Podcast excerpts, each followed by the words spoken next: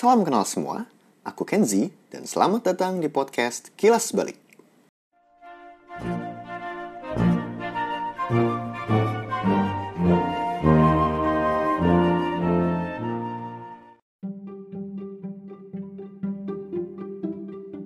Ketika kita mendengar kata sejarah, mungkin yang terlintas di benak kita pertama kali adalah kisah dari puluhan atau ratusan tahun yang lalu tentang kerajaan-kerajaan di Nusantara, masa penjajahan Jepang dan Belanda, ataupun rumitnya perkembangan politik di Indonesia.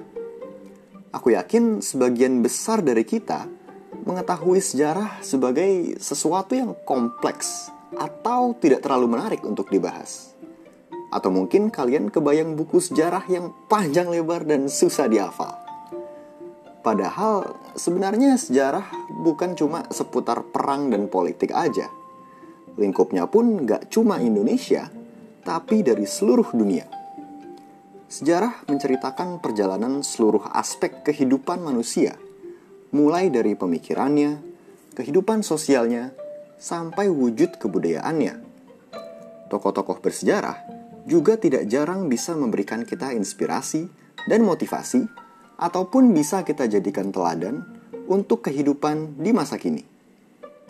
Podcast Kilas Balik akan membawakan kalian kisah tentang peristiwa, tempat, dan tokoh bersejarah dengan menggali fakta-fakta yang jarang diketahui atau dipelajari di sekolah.